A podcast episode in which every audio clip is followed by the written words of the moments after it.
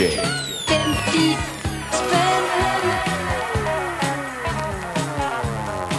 Japp, här kommer ännu en timme ungefär av eh, musikprat och billiga begagnade skivor. Handplockade av musikälskare som gillar att gräva fram guld och lort ur dammiga backar. Och jag som säger det här heter Tommy Jönsson och vid det här laget så borde ni veta att mitt hjärta dunkar allra hårdast för vinylartefakter som grävs fram ur musikhistoriens stora kompost. Och ja, vet ni vad? Det har blivit lite reaktioner från er som lyssnar efter förra avsnittet. Alltså det som gästades av Bruce Linus.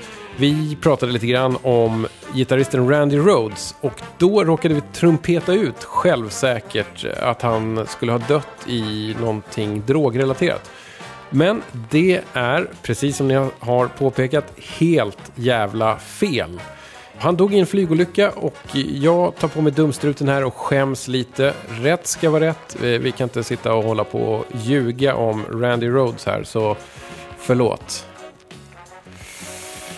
Och sen är det faktiskt också fler som har undrat var Linus egentligen gick för att hitta så pass bra skivor för typ 10 spänn styck som han gjorde. Eh, och eh, jag klippte faktiskt bort den biten ur programmet och jag har raderat själva källfilerna för att jag har så lite disk-space eh, kvar. Så, så de är borta. Så jag minns inte det här riktigt. Men jag har för mig att han sa att han kröp omkring på golvet inne på Snickers Records här i Stockholm. Att det ska finnas 10 kronors skivor där.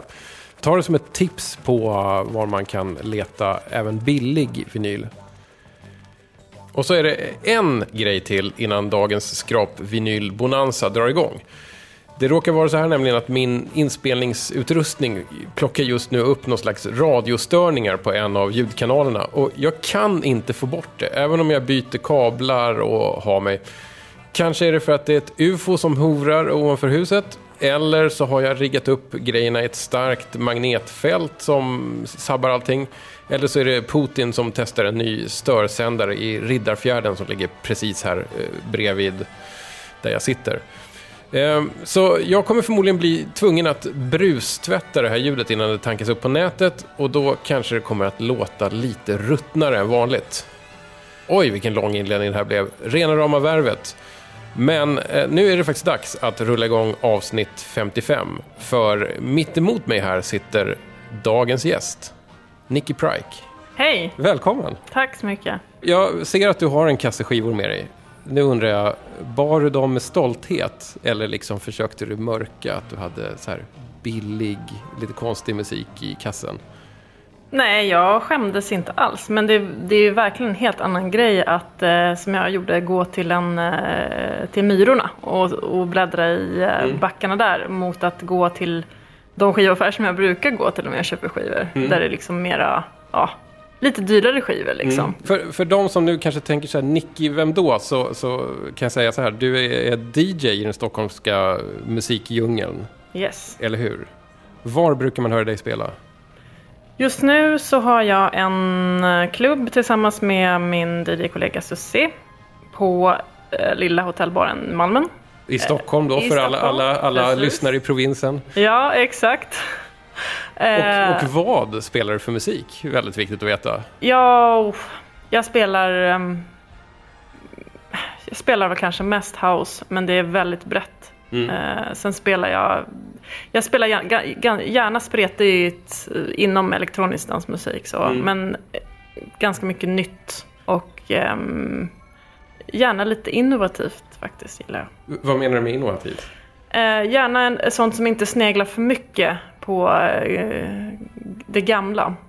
Utan att man vågar eh, testa ny mark. De som, som eh, kan tänka sig att kapa liksom, den här navelsträngen till Chicago. Jag tycker inte man ska kapa, man ska alltid ha respekt för rötterna. Jag tycker det är sjukt viktigt att ha gjort sin research och ha koll på historien. Det, jag gjorde, det gjorde jag väldigt mycket i början när jag började spela skivor. Eh, Men sen eh, så, eh, det är ungefär som att man så här fostras av historien. Men sen ska man släppa taget om dem. Man behöver inte, det låter så brutalt att klippa navelsträngen, men det är, kanske, det är kanske i princip det man gör. Men jag menar inte att man ska ha någon orespekt mot historien, tvärtom. Det är jätteviktigt att ha det. Man ska, man ska veta var man kommer ifrån. Men sen bygga någonting nytt. Men visst producerar du egen musik också? Det stämmer. För att jag vet att du har släppt i alla fall typ i somras eller innan sommaren Ja, det kom precis innan sommaren i maj. Ja, berätta. Ja, det var ehm, min, min debut-EP eh, som jag gjorde, ja, det måste vara nu två år sedan jag gjorde klart den faktiskt. Så den, den låg ganska länge innan den kom ut. Ehm, men jag har gjort musik i nästan tio år nu, men det tog ganska lång tid innan jag kom till punkten jag kände att det här är någonting som jag kan stå för och som känns som att utifrån då alla de här skivorna som man har lyssnat på alla idoler som man har, att uh, känna att man kan komma med någonting eget som känns som att det tillför någonting, inte bara är en upp, upprepning eller som inte låter något bra. Mm. Och, och i, i, vilken liksom, så subkategori till dansmusik skulle du säga att det här hamnar? Av alla miljarder som finns? Just den EPn eller det jag mm. gör i allmänt? Ja, det du gör allmänt kanske? Ja, någon slags house. Men det, house kan, kan ofta framstå som så himla tradition, traditionsbundet nu för tiden tycker jag.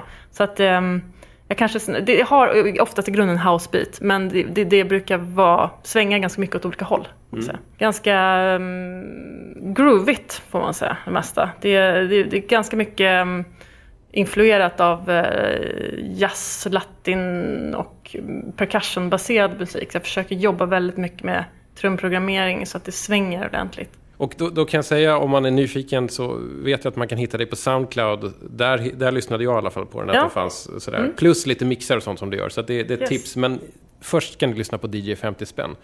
Och nu är det ju så här, du är med, du har fått uppdraget att köpa eh, fem skivor för sammanlagt 50 spänn. Du gick till Myrorna någonstans i Stockholm. Ja. Var var det?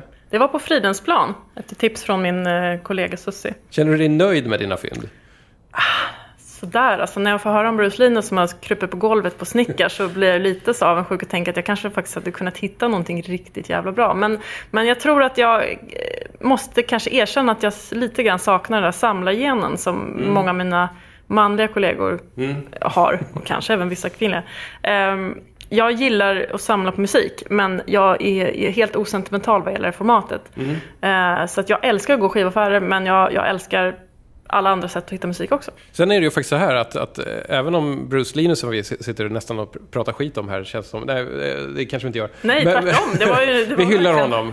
Men även om han kröp omkring där så är i alla fall en av skivorna som du har med dig, hade han med. Ja. i förra programmet. Så att, så att jag menar, så stor skillnad kanske inte är ändå. Det kanske inte är det. Och sen är det flera skivor som de med som faktiskt har dykt upp tidigare. Och jag tycker så här, det är okej. DJ 50 spänn är liksom en spegling av hur det ser ut ute i, i loppis och, och skivbörser och second hand-affärer. Och då är det vissa skivor som dyker upp ofta. Det enda jag tänker är att vi kanske inte spelar samma låtar som tidigare. Ja, men det tycker jag absolut inte vi ska. Och sen så är det också så att jag får uppdatera min så kallade three strikes you're out-regel. För att det, det har varit så att vissa artister återkommer ju ganska ofta. Lill Lindfors, Grace Jones, Billy Idol, eh, Eva Dahlgren. när, man, när man har varit med tre gånger då åker man ut. Det kan vi säga att det gäller för alla skivor också mm. kan jag tänka mig. Vi sätter väl igång va? Ja, absolut. Chansningen.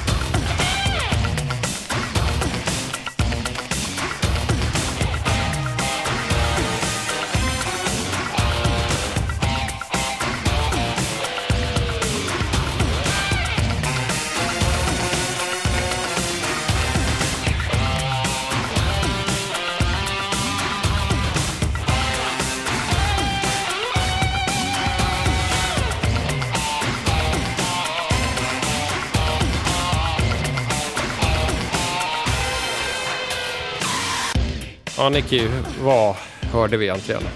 Ja, det här var ehm, en remix eh, av Tom Jones Kiss som de flesta hört. Eh, av The Art of Noise faktiskt. Men jag blev väldigt förvånad, jag tycker inte det låter... Alltså det är ju 80-tal helt klart, men Ja, det är ändå så här... Mycket 80-tal verkligen. känns inte riktigt lika smakfullt som of Noise som jag känner. Liksom. Nej, nej, det är intressant. Eh, Du, du, du No hade offense, vänt... men ja. eh, det känns mera verkligen riktat till topplistorna liksom. Ja, verkligen. Jag, jag hade lite svårt, eh, ska jag erkänna, för de här eh, stora 80-talsgitarrerna som klöste sig in i den här ganska ordentligt faktiskt. Ja, det är inte helt så här, super Art of Noise heller, tänker man. Men den här, den här från 1988 ha- har jag kollat upp och då är vi liksom inne på liksom sena Art of Noise. Precis. Varför chansade du på Art of Noise och Tom Jones cover på Kiss? Ja, för att jag tycker att de har varit lite spännande och lite så svåra att kategorisera. Eh, En del av det som jag har hört. Jag är inte något superfan så, men jag tycker ändå att det, det känns lite intressant liksom. Sen visste jag faktiskt inte att de, eh, vad ska man säga, då ballade ur och gjorde en massa kom, ko- kommers-remixer. Eh, men det kanske händer förr eller senare med många. Det var, det var ju helt klart en chansning. Det här är väl ingenting som jag skulle spela ute så, men eh, mycket av deras andra grejer är ju Ja. toppenbra. Den eh, musikhistoriska detektiven i mig kan datera förfallet till 1985 för då hoppade Trevor Horn och Paul Morley av eh, Art of Noise. Trevor Horn är ju den här 80-talsproducenten som hade någon slags vision om att allting skulle vara stort, blankt och smälla väldigt mycket. Eh, Paul Morley vet inte fan om han ens var en musiker, men han, var, han är en sån där musikjournalist som alltid dyker upp, till exempel i BBCs rockdokumentärer och berättar om varför ett band var viktiga där och då. Så, så att han var väl kanske den ideologen som, som sa att nu får ni ta det lugnt med Fairlighten här ett tag. Okej, intressant att de hade, alltså tänk om alla Ja. Mm. band hade en chefsideolog liksom. Jag kan minnas att det var ett mysterium vil- vilket Art of Noise var, för det var ett sånt här superanonymt band väldigt länge. Undrar om Ja. inte liksom att de kanske, om de uppträdde, att de uppträdde i, masker till, till exempel. Ja, de gjorde Daft Punk-grejen innan Ja, Daft Punk gjorde exakt. den grejen. Allting ja. kom från Art of Noise. Okej, ja. Hur förvaltar de Prince gamla superhit här? Alltså jag tycker det var en konstig blandning av eh, ganska fantasilöst och eh, ändå lite utballat på något sätt. Att det var liksom, de hade tagit alla, alla stora gester som är med på det här Kiss-remixen, originalet, och bara fläskat på. Samtidigt som de inte har vågat testa någonting lite spännande heller. Så att jag blev faktiskt besviken på den här jag. Ja. Har du några favoriter annars av, av Art of Noise? Eh, ja, Moments in Love har jag ju spelat väldigt, väldigt mycket. Ja, på så här lugnare. Ja. ja, men det är när de är på något sätt lite så här, nästan Café Del Mar, Ja, men det är ju chill, en chill sån här liksom. Balearic-klassiker liksom. Den älskar jag verkligen. Det här med att chansa på musik. Är det någonting du brukar göra? Finns, finns det någonting som lockar dig till så att det här kan vara bra? Mm, ja, jag försöker att jobba, jobba så. Eh, både typ när jag gör musik själv och när jag letar musik. Att, eh, att gå på slumpen mer. Just för att, att hamna i tillstånd där man inte tänker. Liksom. För det är då man kan verkligen bli överraskad och, och drabbad. Liksom. Det kanske tar längre tid att hitta bra musik på det sättet egentligen. Än om man bara vågar chansa lite mer. Jag, är- jag, är väldigt, eh, jag är väldigt chansningssugen.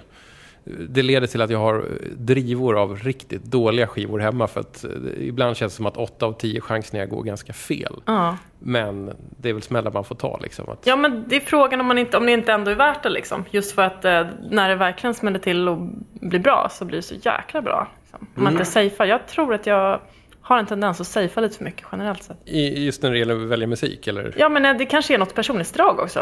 Att Ja, jag, att du, sa- safear du mycket i vanliga livet också? Ja, jag har en känsla av att jag gör det i alla fall. Det är kanske inte så, något som folk runt omkring mig håller med om, men, men jag känner mig själv bäst. Nej, men att man liksom, ehm, man, man går på det som känns så här tryggt och vant och, och det är någon slags kontrollfeeling också tror jag, att man känner så här, man inbillar sig att man har kontroll om man inte chansar för mycket. Det blir mycket mer spännande om man chansar. Så när du går härifrån sen så kommer du kanske gå mot röd gubbe? Eller bara gå rakt ut över kajen här liksom. Ja. Och ner i vattnet, se vad som kan hända där. Ska vi byta kategori? Det tycker jag. Nostalgiköpet. Lång titel på skivan. och lite grann av en blast from the past alltså. Men det här tycker jag faktiskt fortfarande är riktigt bra. Och det är en sån här skiva som jag har lyssnat på till och från under alla år sedan den kom ut faktiskt. En kompanjon i livet på något sätt. Ja, inte kanske riktigt på den nivån, men eh, det är ändå liksom en kvalitativ skiva.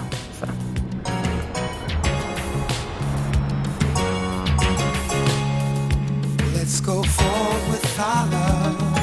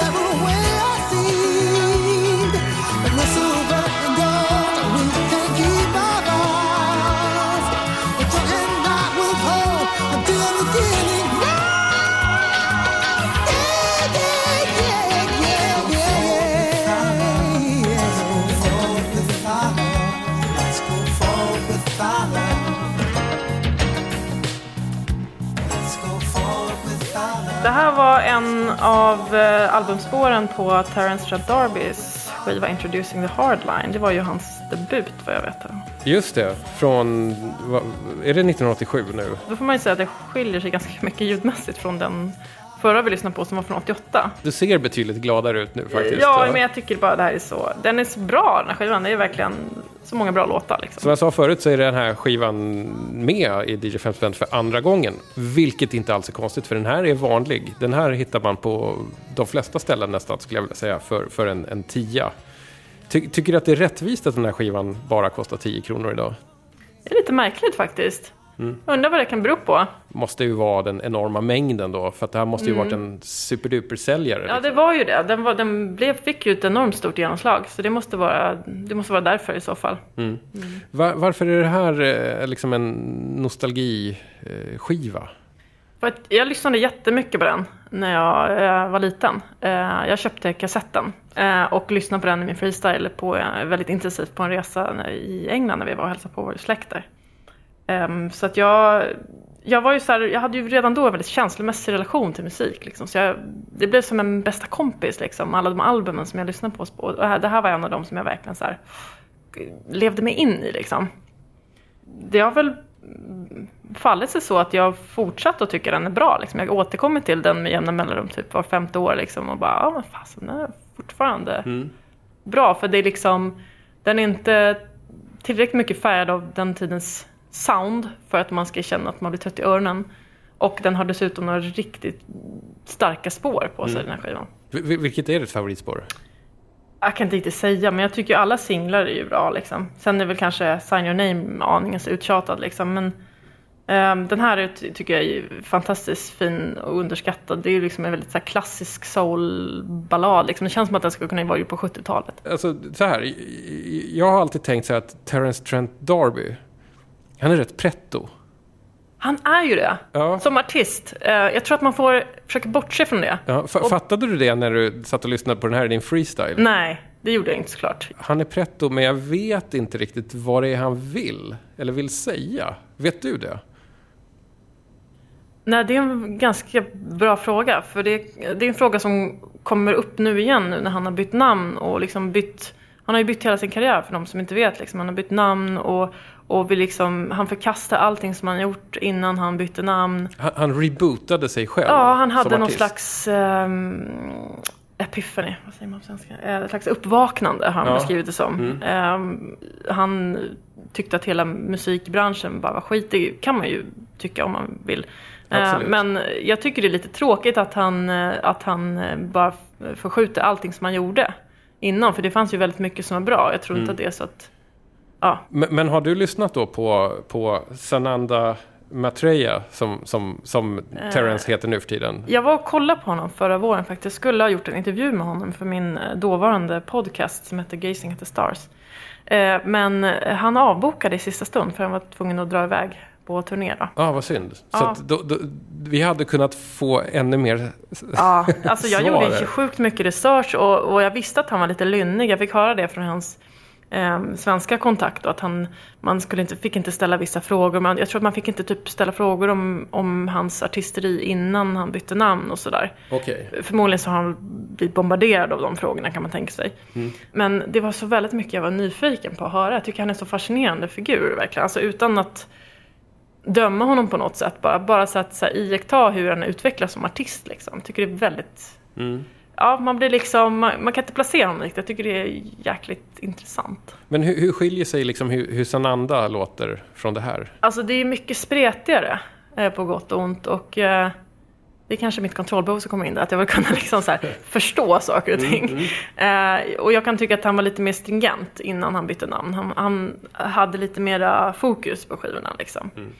Eh, nu är han lite all over the place, som jag upplever det. Och ehm, lite mera rockig. Jag, jag kan ju rekommendera alla att eh, spendera en timme eller två på Sananda Matreyas webbsite. Eh, jag får länka den från, från, eh, från, från min hemsida, dj50spann.se. Det fanns väldigt mycket fascinerande att läsa. Jag hann verkligen inte suga i mig allt, men att han kallar det han gör nu för Post Millennium Rock. Det är fantastiskt. Att han har uppfunnit en egen genre också. Mm, exakt, och, och så, som säger jättemycket och kanske, kanske ingenting på något sätt. Han gör memes, du vet sån här, eh, alltså, sån här bilder med, med liksom lite bildbakgrund och rolig text som är fullkomligt obegripliga. Är det så? Vad står det på de där? Det, det handlar väldigt ofta om the Church of Trigonometry. Just det, det var, jag håller på att snacka om en massa. Jag har inte hela bilden klar. Ja, men det är lite mystiskt, det är lite mystik kring det hela liksom. Ja, och samtidigt så är det väldigt öppen mystik. För att han, det var väldigt mycket, det var stora textmassor om vad allt det här egentligen betydde också. Så att det... Spännande är det enda liksom jag, kan, jag, jag kan säga. Verkligen. Och ju ju mer man läser om Terence Trent D'Arby, desto mer fascinerande blir han. Att det här att han, han var en lovande boxare en gång i tiden. Och han var även i United States Army stationerad i Tyskland. Men var, alltså fick ett sånt här... Eh, han tog bonpermis och blev sparkad. Vad heter det? Dis, dishonorable discharge. Jaha, eller? okej. Och sen blev det musik. Och då gick det ju faktiskt väldigt bra för att den här um, Introducing the Hardline according to Terence Trent D'Arby var ju etta överallt ungefär. Och han har någon gång sagt att den skivan, på den tiden då, den, det viktigaste albumet sen eh. Beatles. Sgt. Intressant att Pepper. han sa, säger det samtidigt som han också förkastar det han, han har gjort. Att han liksom... Mm. Någon slags splittring i storhetsvansinnet där. Minns du din första skiva? Som du köpte själv? Mm, det var Björk. Fast den köpte jag inte själv om jag ska vara ärlig. Jag fick den i present, men jag önskade mig den i första present Mm. när jag var 13 år. CD-skiva. Vilken? Är det den här eh, lite Eh, det var väl en... beigeaktiga Björk? Ja, den första. Har, har den format dig på något sätt? Inte så mycket just den. Så jag lyssnade ju extremt mycket på an- annan musik under min uppväxt, men jag, jag tog ju bara mina syskons skivor. Och sen så typ... Äldre syskon? Precis. så det blev ju väldigt mycket syntpop, mycket Depeche Mode, mycket Kraftwerk faktiskt. Eh, jag tror jag var den enda i min klass i trean som lyssnade på Kraftwerk. Eh, och sen så lyssnade vi på lite, ganska mycket på tracks och listpop och sånt där. Men den första CD-skivan som jag ägde var Björk. Nu har det blivit dags för den riktigt läbbiga kategorin. Den totala slumpkategorin. Random Access Vinyl.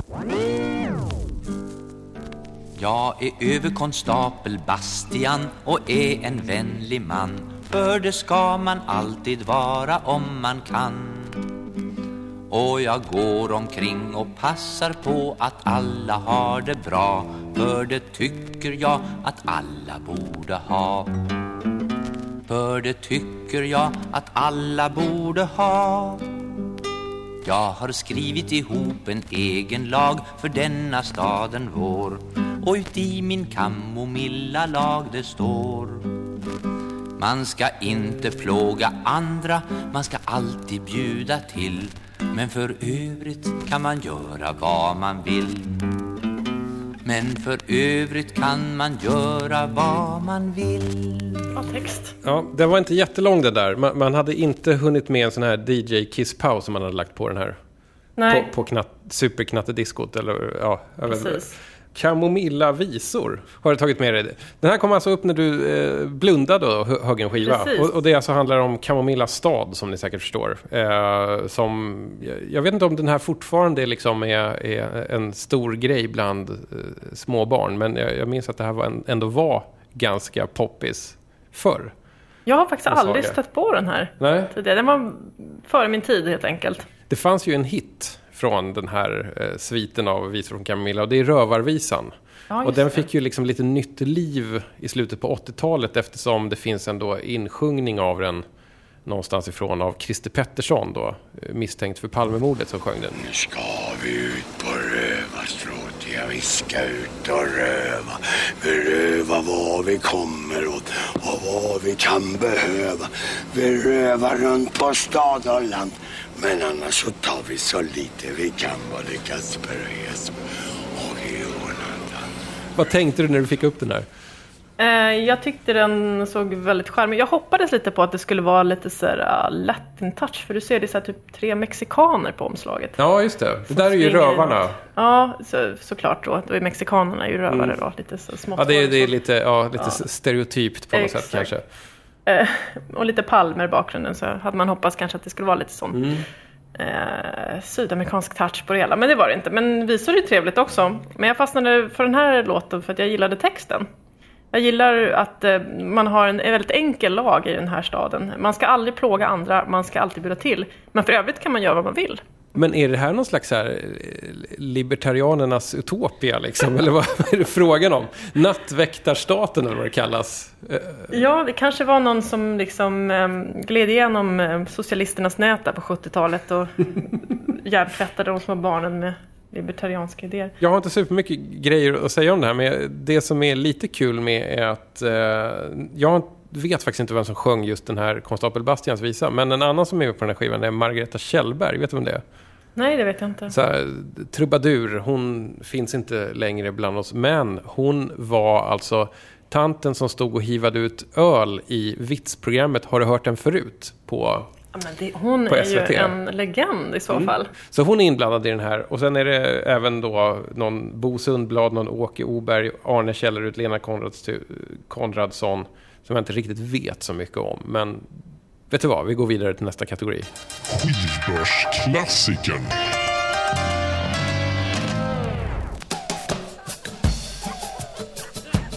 Har den här förekommit tidigare? Ja, den har också gjort det.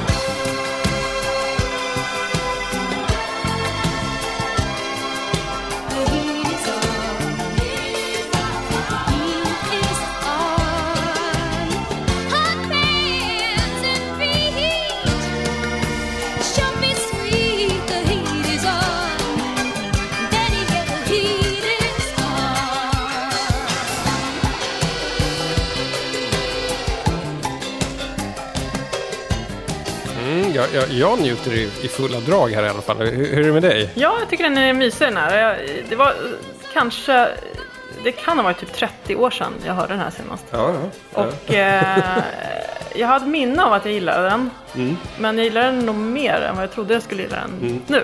Agneta Fältskogs The Heat Is On och den spelar vi från en LP som heter då Wrap your arms around me, där hon ligger Tack. lite förföriskt på en säng i eh, pastellrosa. Ja, just det. Och att hon har samma liksom pås med handen som de här bokmärken med änglar. Fast hon, hon har ju 1983-kläder och 1983 permanent på sig. Även den här skivan, Nicky, har, har ju faktiskt... Den här hade eh, musik och kraftsportsjournalisten Sara Martinsson med sig. Och då spelade vi eh, titelspåret Wrap Your Arms Around Me. Och då började vi prata också väldigt mycket om hur, vilka baleariska kvaliteter det var. Och hur den, den låten också verkligen lyfter av att den avslutas med så här viskande pratsång. Och det kan Agneta. Hon, hon borde ha gjort det mer. Ja, det var, hon, hon hade någon så här sensuell utstrålning, eller hur? Ja, eller uppenbarligen. För jag vill minnas att, liksom att, att eh, manliga rockkritiker gärna ville liksom skriva väldigt mycket om just Agneta. Hur, hur sexig hon var. Men det kan ju bero på att hon också var en blonda. Det kanske men var det- framförallt då utländska Ja, exakt, eh, ja. rockjournalister Ja, som har den här menar. svenska... Att, att, att det var liksom Agneta Fältskog som, som bar på den här myten om då svenska blondiner. Ja, men, men tillbaks till, till, till The Hidison. Vad, vad är det du gillar med det här? Vad, vad var det som gjorde att du, att du f- 30 år senare tycker fan det är ju bra? Eh, Ja men det känns så varmt och, och tropiskt och, och det svänger liksom. Det är inbjudande på något Mm. Ja, sätt. det, är en, det är en rätt härlig beachparty-Agneta här. Verkligen. Alltså det, för jag vet att flera andra låtar på den här skivan är ju sådär, du vet, ABBA-melankoliska, till och med ganska bittra. Eh, alltså, det finns liksom en kyla i den här skivan som då kontrast, kontrasterar väldigt mycket mot den här. Sen tyckte jag att den var rolig. Alltså, så här, om man lyssnar på detaljerna, det, det. det låter kul. Det är lite dragspel och det är så här, Precis. saxofoner som är som, eller blås som är som elefanter. Ja men det är lite karnevalsfeeling nästan. Ja. Första sekunderna av det tänkte jag så här, men det här är ju, låter ju nästan som The Knives första skiva, fast om de hade varit glada och bott nä- närmare liksom tropiken. Just det, precis. Jag är väldigt för den här post-ABBA-perioden som både, både Agneta och Frida gjorde skitbra skivor efter ABBA. Eh, Björn och Benny, not so much om du frågar mig. Alltså det här Ch- Chess, ah, jag vet inte. De kanske man kan säga att de testade inte gränserna lika mycket. Nej, fast de bytte också spår totalt sen. Alltså de gav sig in liksom i musik, grejen och sådär. Sen skulle jag skippa igenom Chess-albumet idag så skulle jag säkert tycka att hälften av låtarna ändå var bra. Eh, Okej, jag stoppar lite här för att kränga. Jag tycker att du som lyssnar ska slå till och köpa en tygkasse av mig. Den är naturvit eller smutsvit. Den har en DJ 50 spänn-logga på ena sidan och om man pressar på lite så kan man få plats med hela 25 LP-skivor i den. Jag, jag har testat. Tygkassen kostar 120 kronor och varenda öre som jag tjänar på den kommer att användas för att producera flera DJ 50 spänn-avsnitt i framtiden. Så Supporta mig, köp en tygkasse, läs på min sajt om hur du beställer. dj50spann.se är webbadressen, eller så kan du ju bara googla. Och du, tack för att du lyssnar. Nu hoppar vi tillbaka till programmet igen. Eh, Nicky, vi har en skiva kvar bara i din skivhög.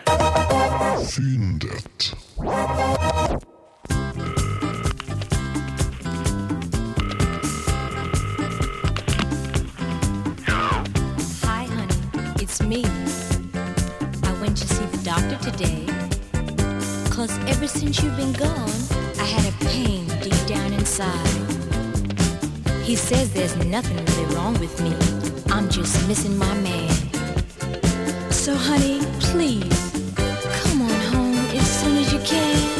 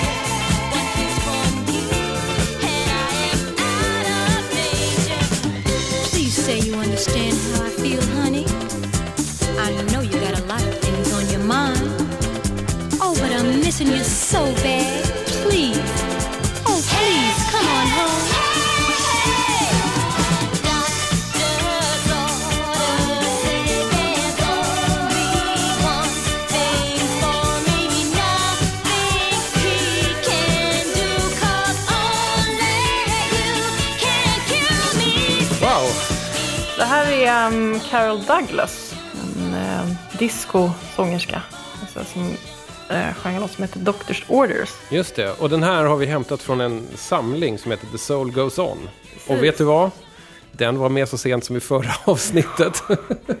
Det var synd att jag inte lyssnade på det, för jag lyssnade på, Ja. på ett annat. Men det är helt okej, för att det, det är faktiskt så här att den där skivan, den är fruktansvärt vanlig. Den, den, den ser man väldigt, väldigt ofta, så jag är inte, jag är inte så förvånad. Jag, jag tycker, tycker ändå att urvalet av låtar på den är inte så pjåkigt alltså. Nej, man får mycket för pengarna om man köper det för 10 spänn. Jag tycker ju faktiskt det. Det är säkert så det såldes in, tror du inte det? N- när den släpptes 1975, det är så här, mycket soul för pengarna. Och det roliga... dessutom lite um, palmer på omslaget. Ja. Det känns nästan som det är en röd tråd där på mina Mm, skivor. du, du gillar palmer Palmer och strandtema liksom. Det intressanta med den här skivan är att det står, den säljer med liksom eh, ordet soul. Det står liksom inte disco någonstans vad jag kan se på, på skivan va? Nej, vi kan ju kolla årtalet. Det kan ju hända att den här kom efter den här stora disco sax-kampanjen. Att det då hade lite svartmålats. Nej, det här var 75. Det är nog kanske snarare innan disco blev ett så här bruksbegrepp för alla. Så var det nog. Det här var, det här var i mitten av 70-talet. Då hade man inte riktigt placerat den. Men det här känns... För, för den här låten är väl ändå väldigt, väldigt disco? Den är väldigt disco och samtidigt så skiljer den sig lite grann från den tidens disco. Runt 75 så var det ju egentligen väldigt mycket stråkdisco. Ja, ja, ja. Eh, och Symfoniskt. ja, precis. Jag brukar egentligen inte gilla det så mycket. Jag brukar gilla när det blir lite mer så här boogie, med lite mer tajta arrangemang liksom. Mm. Men det här var ju supersvängigt. Vad vet du om Carol Douglas? Det, det är, alltså jag ska vara helt ärlig, det, det är en, det är en sång, sångerska som jag har ganska ytliga kunskaper om. Jag också egentligen, men hon förekommer ju väldigt mycket under de här åren Mm. i RCA och även de här alla klassiska disco-lablarna. Ehm, hon var väl en av de här stallsångerskorna inom discoeran. Um, just den här låten vet jag att jag har hört men jag har inte placerat att det var hon som sjöng den. Du sa mig när vi lyssnade att du älskar discoarrangemang. Jag är lite skadad i och med att jag spelat dans och klubbmusik så länge. Men jag, jag kan bli så fascinerad av hur man bygger upp en låt så effektivt som möjligt för att öka intensiteten och få folk att dansa. Och man märker så här, mycket av den bästa diskon har ju det här att de, de det följer en viss karta liksom. Med tonartshöjningar och, och, och även liksom tempoändringar ibland. Och, stämningsändringar, och man har bryggor, och, alltså man har allt av det bästa från popmusiken plus en supertajt instrumentering med, med bas, alltså basgångar från himlen liksom. Och, ah, det är bara, det får igång mig. Det är väl så också med dansmusik att, att någonstans så måste det väl finnas en, vad ska man säga, nästan standardiserad formel för hur, hur den sitter ihop så att man vet så här, att nu börjar det bli dags att tänka på att här, mixa in nästa låt. Mm, och precis. att det kanske måste finnas ett intro som Exakt. passar sig att eh, Ja, jag tänker... För att liksom så här, gl- de ska glida in i varandra. För att så, dansmusik är ju liksom alltid summan av allting som spelas. Liksom. Att det är den här långa sekvensen som aldrig tar slut. Och det, det, disco kan man ju säga, det var väl typ den första genren som, som utkristalliserade sig och var just till för att dansas till bara. Alltså mycket av den andra musik som gjordes innan dess kunde man ju dansa till men just disco blev så otroligt tydligt nischad för disco och dansgolv och dansare. Ja. Och ä- även då dans utan att bjuda upp. Att man ska bara fortsätta dansa. Exakt. Ja, men just det här discodans som är mer individuell dans och som var ju som en stor revolution liksom där med att man har ett personligt uttryck och man ska bara släppa loss på dansgolvet. Jag tycker man känner den energin i mycket av diskon från, ja, men från 75 liksom och framåt och boogien som kom sen. Att det liksom det, var, det, var, det fanns väldigt mycket frihet i den musiken. Den här låten vet jag ändå var en hyfsat stor hit. Alltså, tror jag, kanske även utanför dansgolv och sådär. Eh, jag jag försöker alltid hitta liksom något namn utöver liksom artisten att hänga upp det på. Och den tror jag är antingen producerad eller, eller arrangerad av en sån här stallarrangör i discovärlden som heter Meko Monardo. Som är en ganska rolig filur för att han kunde göra sånt här som är liksom bra disco. Men sen har han i eget namn släppt otroligt så här pajiga Star Wars discoalbum och The Wizard of Oz i disco-style och liknande grejer. Helt, helt bananas. Ibland bra, men det är också så här, det är, det är lite, lite discons Mikael B. Tretow skulle jag vilja hä- hävda. Okej, ja men det kanske det hör man ju lite grann på, på viben i och med att det är lite så här komedi inblandat. Vet du vad? Jag tror att det kan finnas en Meko Monardo-skiva här. Ska, ska jag se, se om jag kan hitta Ja, den? Så, så, du så kan jag ju Ja. spela lite hans Ja. plojiga sida ett ögonblick.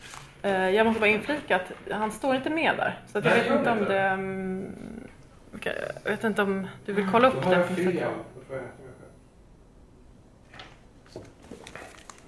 Eh, Du läste lite på omslaget och visade att jag hade fa- faktiskt fel. Han är in- inte alls inblandad i Doctors Orders. Men jag tänker att jag bjussar på lite Meko i alla fall så får du höra hur, hur- hur, det kan bli.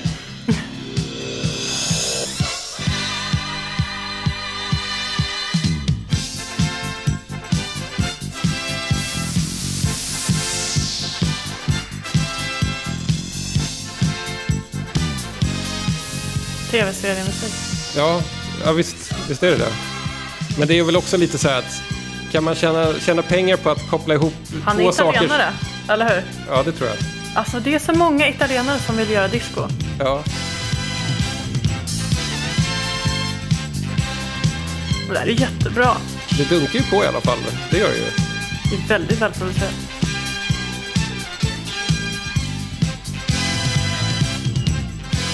Men vilket årtal är det här? 79. Men om det är pre-Italo-disco-eran?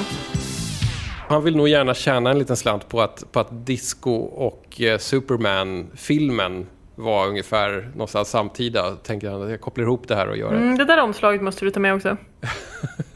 Det är verkligen... Ja, men det är härligt. Det är en, lite, det är en lite, lite knubbig man som byter om i en telefonkiosk såklart. Och självutnämnd Superman, jag gillar det. Hade vi någonting mer att säga om disco förresten? Jag är lite sjukligt fäst vid disco kan man säga. Egentligen så spelar jag nästan ingen disco längre. Mest om jag spelar på bar och sådär. Men jag, jag, är, jag tycker det är en otroligt fascinerande genre. Jag är helt med. Det, det, det, jag, jag blir ju allra gladast om jag hittar discoskivor som jag inte har någon aning om vilka som har gjort dem. När jag, när jag är på en loppis. Då är det bingo för mig. Det, är det bästa som finns. Och det fina är att man kan faktiskt hitta det. För att det verkar som att, har, som att hela planeten tryckte ut liksom så här kubikkilometer av disco hela, eller halva 70-talet och en bra bit in på 80-talet. Liksom. Att det tar inte slut. Men det, det finns väl någon anledning till det. Jag tänker att utifrån mi- mina empiriska erfarenheter av att spela disco ute så märker jag att det, det är faktiskt den enda genren som man kan samla alla människor kring. Eh, Och du behöver inte spela hits. Du behöver inte spela eh, eh, typ Bee Gees. Nej. Utan du kan spela vad som helst som har en disco-feeling och folk blir som tokiga. Du menar alltså att det inte finns människor längre som hävdar att disco sucks? Eh, Den, den generationen är död. Och utan diskon hade det kanske inte funnits andra former av eh, dansmusik heller. Eller liksom det som vi kallar dansmusik idag. Nej, så är det. Och- Eller framförallt att det, det var ju mycket mer än bara musiken. Det var ju en kultur som föddes med diskon. Eh, och även om man inte gillar all disco, alltså, jag kan verkligen förstå att man kan tycka att det är cheesy och allt sånt där. Jag är lite för sentimental för att kunna liksom, bedöma musiken på så sätt. Eh, just för att jag, jag vet ganska mycket om klubbkulturen som växte upp under 70-talet som, som byggde på just diskomusik. Och jag känner en väldigt stor tacksamhet till dem som var med och byggde den scenen. Eh, som just har möjliggjort eh, klubbkultur som den ser ut idag. Så att, eh, ja, det är stort hjärta för disco bara. Vet du vad Nicky? Nu, nu har vi kommit till eh, det bittra slutet av programmet. Eh, jag är väldigt glad att du kom hit och jag är väldigt glad att, att eh, du tog med de här skivorna. Mm, det har varit jättekul att vara här. Vad kommer hända med skivorna nu? Jag ska fundera lite grann på, jag funderar på att kanske dela ut dem lite grann. Eh, om det är någon som du vill behålla kanske du kan ge någon den här barnskivan till din dotter kanske. Ja, men det låter fint.